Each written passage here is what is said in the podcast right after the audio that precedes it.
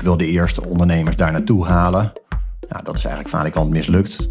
Want in de praktijk zagen toch heel veel ondernemers dat ook niet zo zitten. Ik ben nog wel een keer met een groep ondernemers daarheen gegaan. Dus in groepsverband zagen mensen dat wel zitten. Maar ik zag het zelf niet zitten om een soort reisbureau voor rampgebieden te worden. zullen we zeggen. Ja, nou ja, dat is het dan natuurlijk niet. Maar je komt op een gevaarlijk terrein of zo.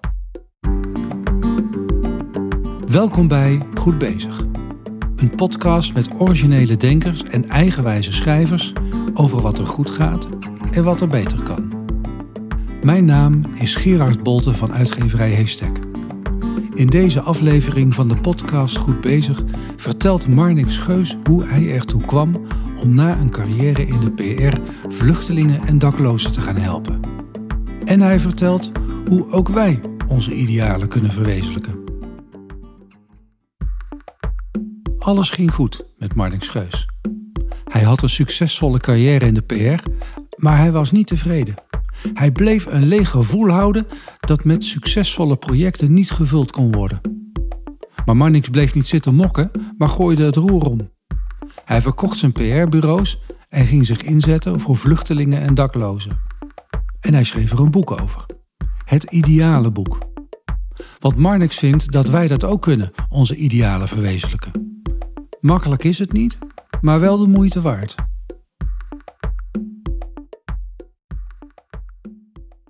Marnix, welkom. Dankjewel. Vertel eens, wat is jouw achtergrond? Hoe ben jij in vredesnaam in de ideale business terechtgekomen?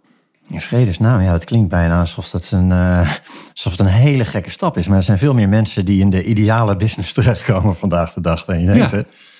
Nou ja, ik heb een ondernemersachtergrond. Dat wil zeggen, Helemaal niet. Ik heb kunst- en cultuurwetenschappen gestudeerd. Maar ik ben uh, vrij vlot daarna ondernemer geworden in de creatieve industrie. Een aantal PR-bureaus gehad. En vijf jaar geleden heb ik mijn aandelen verkocht in het bedrijf aan mijn zakenpartners. En ben ik met een volgende droom aan de slag gegaan. En die gaat over, uh, nou, meer vanuit de kern van wat ik doe, iets voor de wereld willen betekenen. En dat heet The Present Movement. In de vorm van een stichting ben ik dat gestart. En die richt zich eigenlijk op ondernemers en ondernemers helpen om meer te kunnen bijdragen aan de wereld door hun expertise en netwerk ter beschikking te stellen van initiatieven die zich inzetten voor vluchtelingen, daklozen. Nou, eigenlijk in, in de breedte voor meer gelijkwaardigheid. En dan ben je een, je zou het een intermediair kunnen noemen. Ja, het, is, het heeft wel met verbinden te maken in ieder geval. Ja, werelden met elkaar verbinden die van nature misschien niet zo makkelijk met elkaar in aanraking komen. Was je zo ongelukkig als Peer? Nee. Herman. Nee, in tegendeel. Ik heb twaalf jaar lang uh, geweldige groei doorgemaakt. Groei van het bedrijf, maar vooral persoonlijke groei, denk ik. Fantastische opleiding geweest. Maar ik zag mezelf ook niet oud worden in de PR. Ik vond twaalf jaar ook een hele tijd. En uh, ik had nog meer dromen en ambities. Dus uh, nou ja, ik had geen zin om die Wat uit was te die stellen. droom?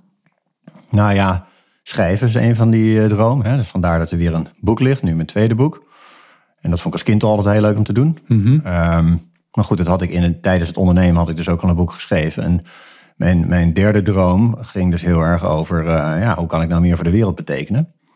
En niet een beetje on the side, zoals ik het met ons PR-bureau deed. Met hè, van een percentage van je winst doneren of, of uh, gratis werken voor een aantal goede doelen. Maar veel, veel meer echt vanuit de kern van wat, uh, van wat ik doe. En nou, dat kan ik nu veel meer vinden in, in the present movement. En hoe heb je dat bedacht? Nou, de vluchtelingencrisis was uh, toen al even gaande. Dus het was begin 2017 toen ik uit mijn bedrijf stapte. En in 2015. Wat was er het eerst? Het vertrek? Of, of, uh... Die crisis was er eerst in 2015 en 2016 was natuurlijk de, ja, het hoogtepunt van een enorme uitstroom. Uh, vooral Syriërs toen de, vanwege de oorlog. Die Assad was gestart tegen het eigen volk. En nou, we kennen allemaal die beelden van mensenmassa's in bootjes, hele gezinnen die de oversteek maakten. Kort stukje van Turkije naar de Griekse eilanden, maar een levensgevaarlijke oversteek. Dat ging natuurlijk ook heel vaak mis. En daar vervolgens in kampen terechtkwamen. Kampen die wij, uh, ja, kijk, in, we hebben asielzoekerscentra uh, in Nederland. Maar dit is toch nog even wat anders. Dus daar zit echt nou ja, het, het, het, kamp Moria op het eiland Lesbos. kennen de meesten wel vanuit het nieuws. En dat is een uh, brugkamp. Ik ben daar ook binnen geweest. Je bent er ook naartoe gegaan? Ja, ik ben er naartoe gegaan. Omdat ik gewoon dacht van ja, je, je, kijkt, er, je kijkt ernaar op het nieuws. Maar het voelt op een, een of andere manier nog steeds als ver van je bed. En dat is eigenlijk natuurlijk heel gek. Ik denk als het dan zo werkt bij ons, dat we zo worden overspoeld door alle ellende van de wereld vandaag de dag. Dat we het dus niet meer kunnen laten binnenkomen. En dat is ergens maar goed ook. Maar het is ook uh, heftig, want we moeten het ons natuurlijk wel aantrekken. Dus uh, dat is de reden waarom ik erheen ben gegaan. Vanuit de gedachte, dan moeten we ons bed maar eens verplaatsen. Dan wil ik mijn bed verplaatsen om, om te kijken wat daar nou echt gebeurt. Wat voor les heb je eruit getrokken? Je hebt daar geholpen. Um... Nou, ik heb, ik, ik, heb bij het eerste bezoek niet zoveel geholpen nog. Ik heb wel wat, wat dingen kunnen doen, mm-hmm. maar het was, uh, ja, ik kan bijna zien als een soort van uh, studiereis. Ik had het heel goed voorbereid. Was op eigen houtje heen gegaan, maar wel veel contact gelegd met founders van allerlei NGO's daar. De belangrijkste les was uh, wat verschrikkelijk wat hier gaande is in tussen aanhalingstekens ons Europa.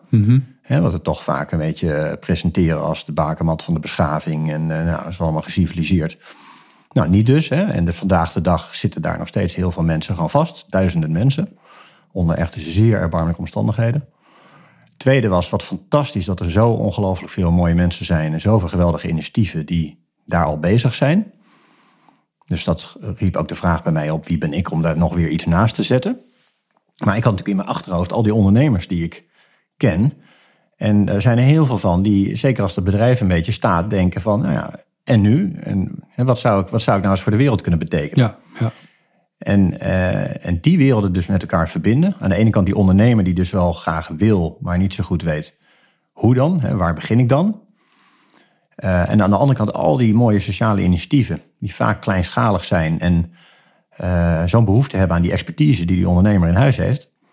Ja, daar zag ik wel, daar zag ik wel een model in. En dan heb je niet over een businessmodel.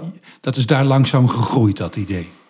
Ja, dat is daar, dat is daar ontstaan. Uh, ik wil de eerste ondernemers daar naartoe halen. Ja, dat is eigenlijk vaak al mislukt. Want in de praktijk zagen toch heel veel ondernemers dat ook niet zo zitten. Ik ben nog wel een keer met een groep ondernemers daarheen gegaan. Dus in groepsverband zagen mensen dat wel zitten.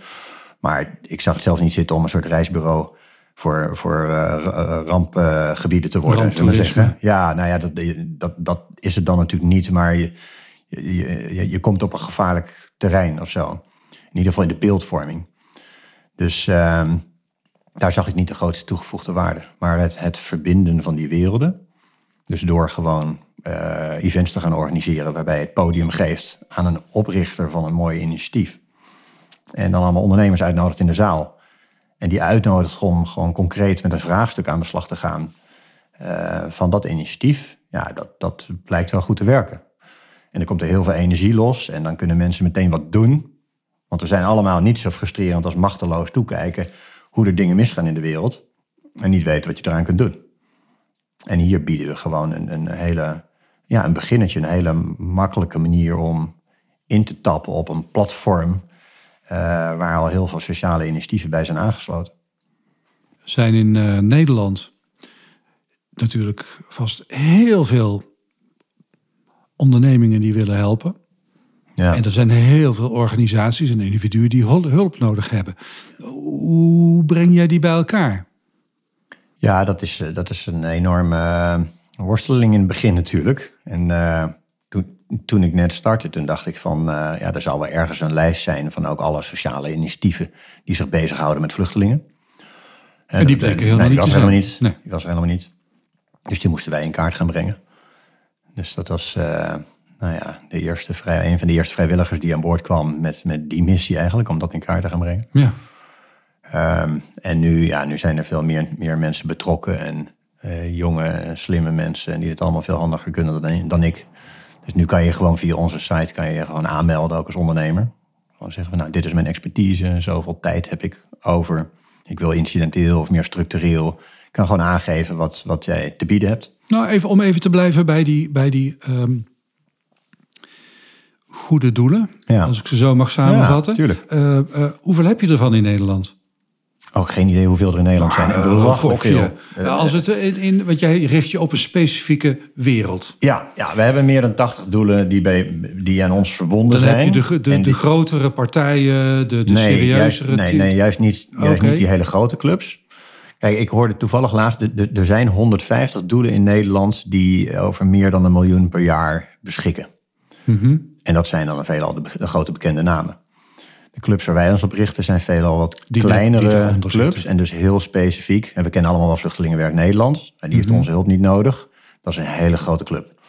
Eh, dit gaat meer om de kleinere clubjes die een bepaalde niche te pakken hebben. Noem Kun je één of eh, twee kun je een voorbeeld ja, eh, noemen van? Take Care B&B. Die is nu bijvoorbeeld weer heel erg nieuws gekomen. Omdat zij eh, rond de oorlog in de Oekraïne eh, weer heel actief zijn geworden. Die hadden al jarenlang expertise met Syriërs en Afghanen en, en Eritreërs die, eh, die eh, zij opvingen. En dat deden ze dus door mensen uit de AZC's, uit de asielzoekcentra te halen. eh, bij mensen in huis te plaatsen. Op een georganiseerde manier. Ja. En gastgezinnen die gaan zeiden, ja, ik heb mijn kinderen zijn het huis uit, ik heb in één keer ruimte. En, of ik ben alleen. Ja, ja. En ik kan dat doen en ik vind het ook wel interessant.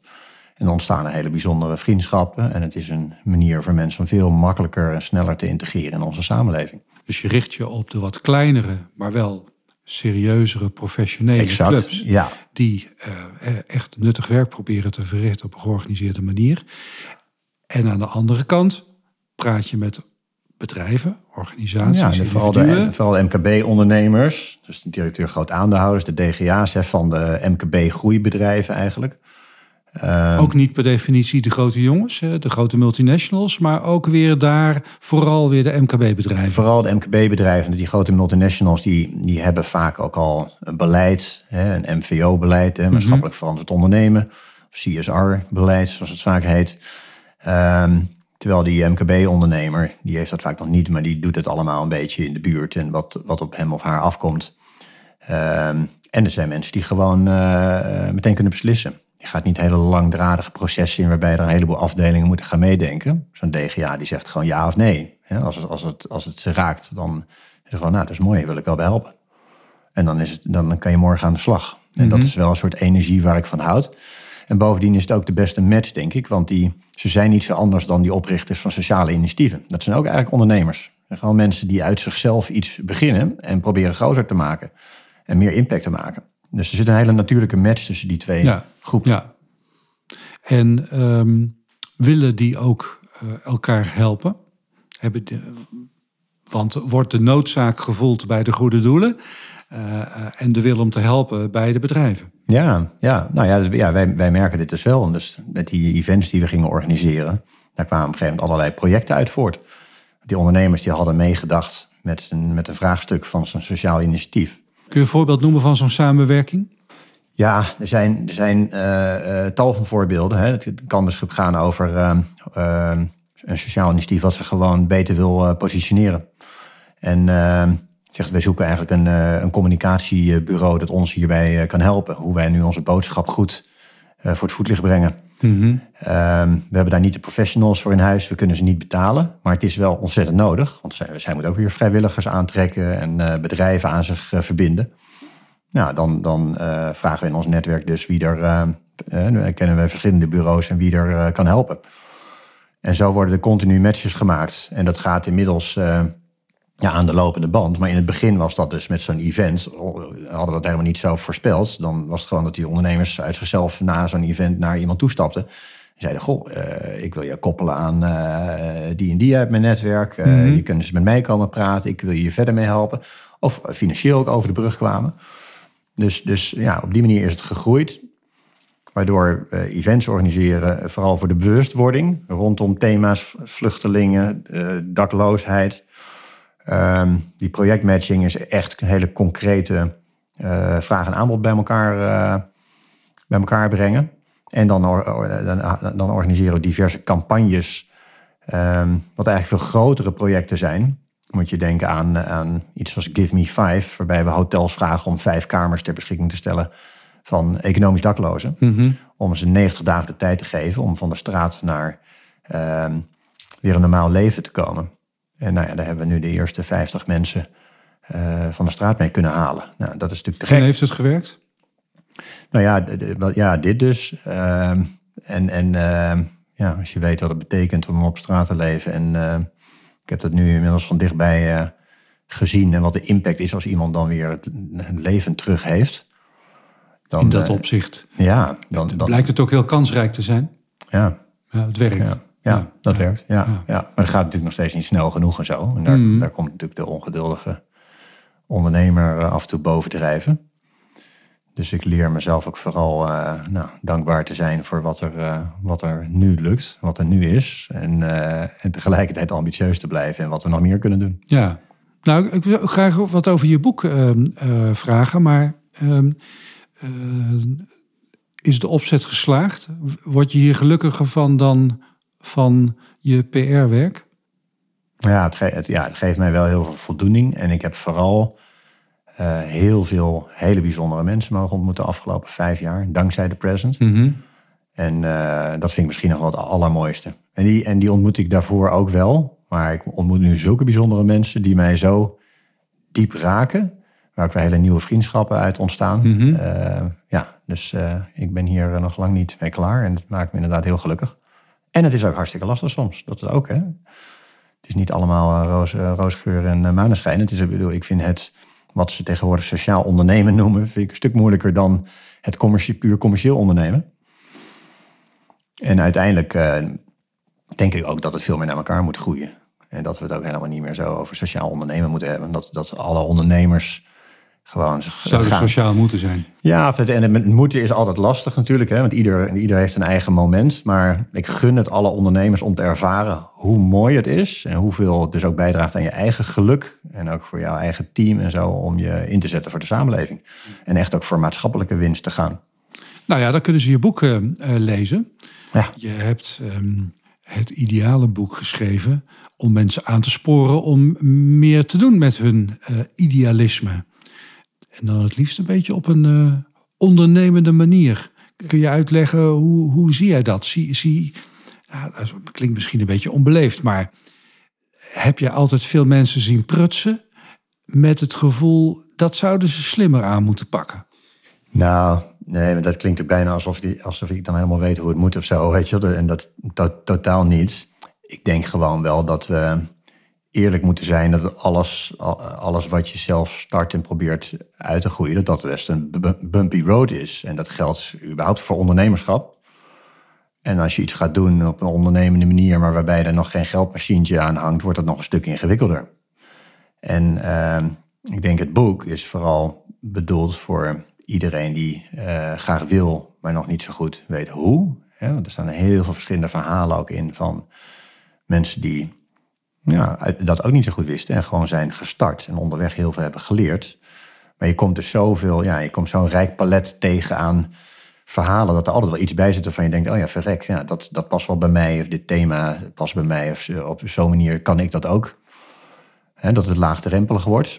Dus het is, het is veel meer bedoeld om te inspireren, niet om te prediken en te moraliseren. Ja, ik vind, ik vind ook wel dat er zitten ook wel echt stappen in. Van nou, dit zijn de fasen die je doormaakt als je uh, projectmatig met je idealen aan de slag gaat. Ja. Um, maar ja, je vertelt inderdaad niet uh, wat mensen precies moeten doen. Je vertelt wel veel verhalen in het boek. Je eigen verhaal, hè, waarvan ja. je net ook even een inkijkje hebt gegeven. Maar ook de verhalen van andere mensen. Ja. Uh, kun je, ja. kun je uh, een paar verhalen geven die, die jou zo persoonlijk ook... Je hebt natuurlijk niet voor niets gekozen voor dit boek. Klopt, ja. ja. Wat, wat kun je er één of twee noemen die jou persoonlijk ook heel erg raken? Ja, ja. Er zijn vijf co-auteurs uit verschillende uh, landen in de wereld die een bijdrage ook leveren rond, rondom vijf verschillende thema's.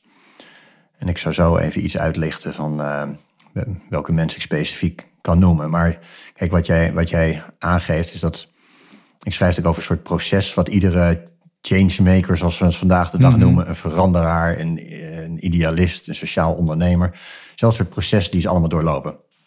En dat heb ik in een soort spiraalvorm in het boek weergegeven. En dat begint bij wakker worden, wat eigenlijk gaat over uh, je bewustzijn verhogen. En er is soms een aanleiding voor, zoals een burn-out of uh, uh, verlies. Maar het kunnen ook hele positieve dingen zijn. Hè? Zo'n geboorte van kinderen of... of de verkoop van je bedrijf. Ja, exact. dus dat, dat, dat kan ook leiden tot dat, dat, dat mensen soort van nou, wakker worden op een ander soort manier en uh, iets willen gaan doen met hun idealen, zeg maar. De volgende stap gaat over een beginnetje maken. We maken het vaak veel te groot in ons hoofd, waardoor we het uitstellen en te complex maken.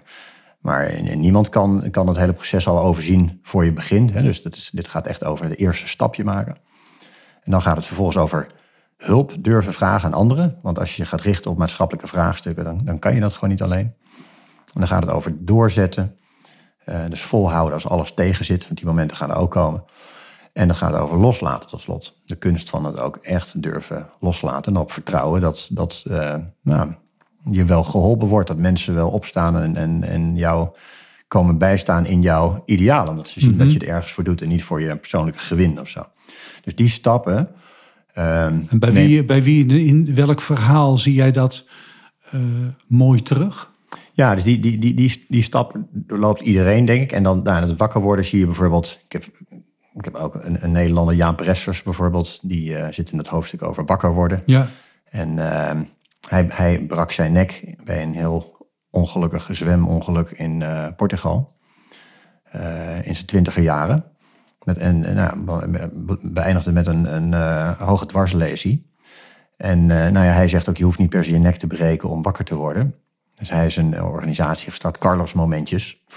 En dat, dat gaat over hoe, hoe je met kleine gebaren iets voor elkaar kunt betekenen. Dus hij, hij werd, moet je voorstellen, in Portugal een ziekenhuis schreeuwend in paniek wakker toen hij uit die zee was gered. Waardoor hij nog leefde. Maar iedereen was redelijk laconiek daar, het verpleegpersoneel. Want ze maken dat best wel vaak mee met die woeste Atlantische Oceaan.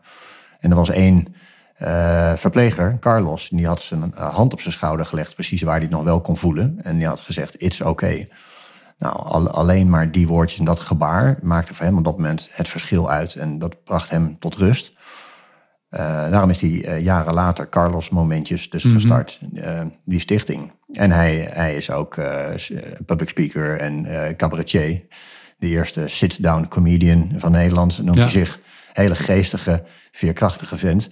Maar ja, om zijn verhaal te lezen, dat, ja, voor hem was dit dus een hele brute manier om wakker te worden en andere dingen met zijn leven te gaan doen. Mm uh, en dat kan, ook, dat kan ook veel subtieler. Hè? Daar hoef je niet eerst een ongeluk voor, uh, voor te krijgen.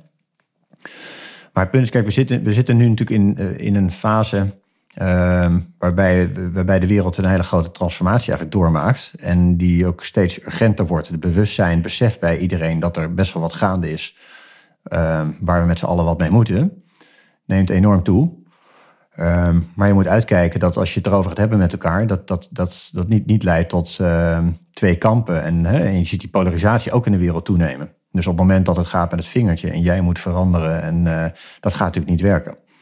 Dus we kunnen alleen maar elkaar inspireren en, en vooral met ons gedrag. Uh, het is leuk om het op te schrijven in een boek, maar het gaat er ook uiteindelijk om wat, wat doe je ja, ermee? Ja.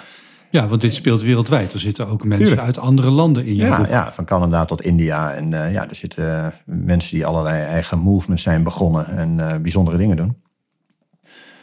Dus, dus uh, ja, het, het, is echt bedoeld om de, de ondernemer, maar net zo goed werk, werknemer in grote bedrijven die verandering wil, te laten zien van, ja, je staat er niet alleen voor. Weet je wel? Het, is, het is af en toe misschien eenzaam, maar dit zijn ehm, dit zijn de processen waar je doorheen moet. En, uh, en je zal merken dat er allemaal mensen jou gaan helpen als je gewoon je uh, volhoudt en je vasthoudt aan je idealen. Ja, ja, ja. Ja, Gerard. Jij um, hebt een hele mooie case in Canada. Ja. Vertel. Dat is van een dame die heet uh, Jacqueline Way.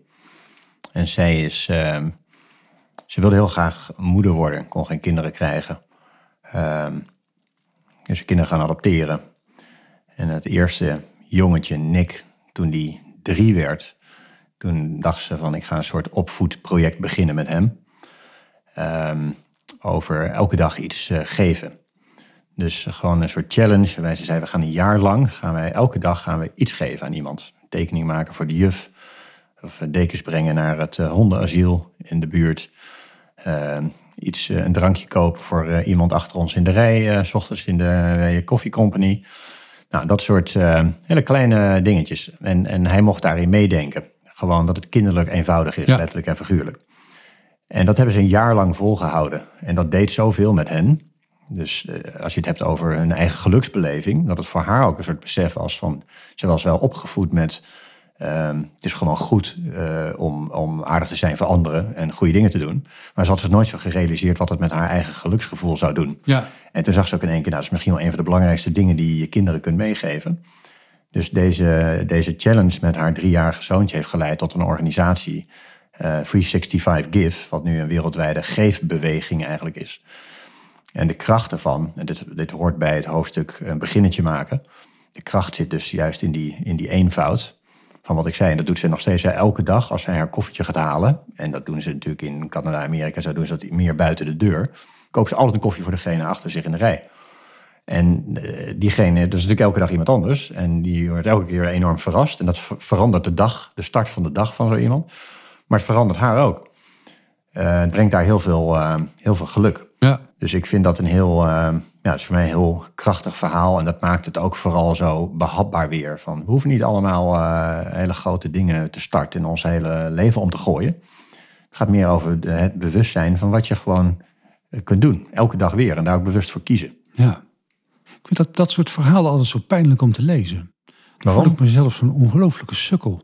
Ik, ik uh, uh, heb uh, heus wel zo de indruk ehm, dat, laat ik voor mezelf spreken, ik toch wel mijn best doe om mijn werk goed te doen. Ja. Aardig te zijn voor andere mensen. Maar verder ben ik in dat opzicht een egoïst. Ik, ik schrijf eens een girootje uit en ja, dan heb je het wel gehad de wereld vertraagt of versnelt niet door mijn aanwezigheid. Dus ja, wat, wat moet ik nou, wat, wat kan ik nou doen als mens, als uitgever, om wat meer te betekenen voor andere mensen? Ja, nou ja, goed. Kijk, dit voorbeeld van Jacqueline Way laat het Ja, echt oh, gewoon op eh, mens, voor ik, op als mensniveau zien. Ja. En jij hebt natuurlijk nog het mooie dat je ook nog een bedrijf hebt. Eh, hè, en als ondernemer heb je boven gemiddeld veel mogelijkheden eigenlijk nog eh, tot je beschikking. En dat begint dus eigenlijk al met intern gewoon het gesprek met elkaar voeren van wat, wat, uh, ja, waarom bestaan wij, zeg maar. En wat zouden wij... Wat zouden wij kunnen willen ja, doen? wat zouden we kunnen doen? En, en hè, de, de gedachte dat ondernemerschap vooral gaat over uh, nou ja, uh, zoveel mogelijk geld verdienen, hè, winstmaximalisatie en zo. Dat is, die is natuurlijk diep ingesleten en die is wel langzaam aan het veranderen. Uh, maar daarvan kan je nog steeds zeggen, nou ja, je creëert banen. Werk is superbelangrijk uh, voor mensen en dat is, uh, dat is bewonderenswaardig. Jij bent het gestart en je zet een bedrijf neer. Je voedt ook andere monden, zeg maar. Dat is prachtig. En je kunt de lat ook telkens een stukje hoger leggen. Dus ook hmm. kijken van, oké, okay, creëren we alleen banen... of zorgen we ook dat mensen hier echt heel veel kunnen leren... en dat ze gelukkig uh, worden en een fantastische tijd hebben... zich kunnen ontplooien en daar een actieve rol in, uh, in spelen. En je kunt de lat nog hoger leggen en denken van... Uh, ja, maar we willen eigenlijk niet dat wij allemaal heel gelukkig zijn... maar dat we uh, de wereld schade berokkenen of andere mensen schade berokkenen. Dus wat is dan onze impact? Nou, ik vond het heel mooi bijvoorbeeld dat jij nu samenwerking met uh, Trees for All bent aangegaan. Om ook het, uh, het, uh, de vieze kant van het uitgeefwerk te compenseren. Hè, want ja. dat heb jij mij ook van begin af aan gezegd. Van ja, het is een, een is niet goed voor de wereld. Ja. En boeken schrijven dus ook niet. Ik, ik draag daar ook aan bij. En dan kan je nog verder gaan. Zeggen van, nou, dat, dat gaat over compenseren. Maar kunnen we ook actief bijdragen. Dus dat, je dat, dat je gaat zeggen van in, in zowel cash als kind. Hè, dus gewoon donaties doen als bedrijf, als ondernemer. Of expertise ter beschikking stellen van organisaties uh, die dat niet kunnen betalen. Of uh, gratis boeken uitgeven voor eh, een geweldig goed doel. Of noem, noem maar op. En, en het ultieme is wat mij betreft misschien wel van dat je zegt ik besta als bedrijf om de wereld mooier te maken. En dat is natuurlijk heel anders dan dat je zegt winstmaximalisatie. Dan gaat het gewoon over maatschappelijke winstmaximalisatie. En dat zie je uh, nu steeds meer gebeuren. We noemen het ook wel sociale ondernemers. Nog steeds van containerbegrip, dan heb je allerlei mm. smaken in.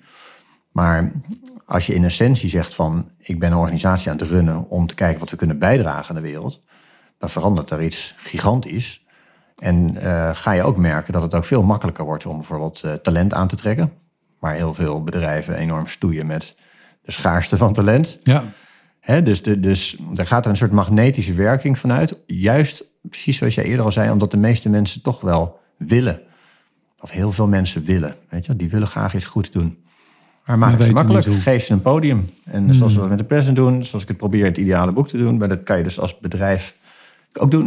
Oké, okay, dus als ik het goed begrijp, dan uh, zou het goed zijn als wij als team over enkele weken eens een keer een dag bij elkaar gaan zitten om na te denken wat wij zouden willen en kunnen.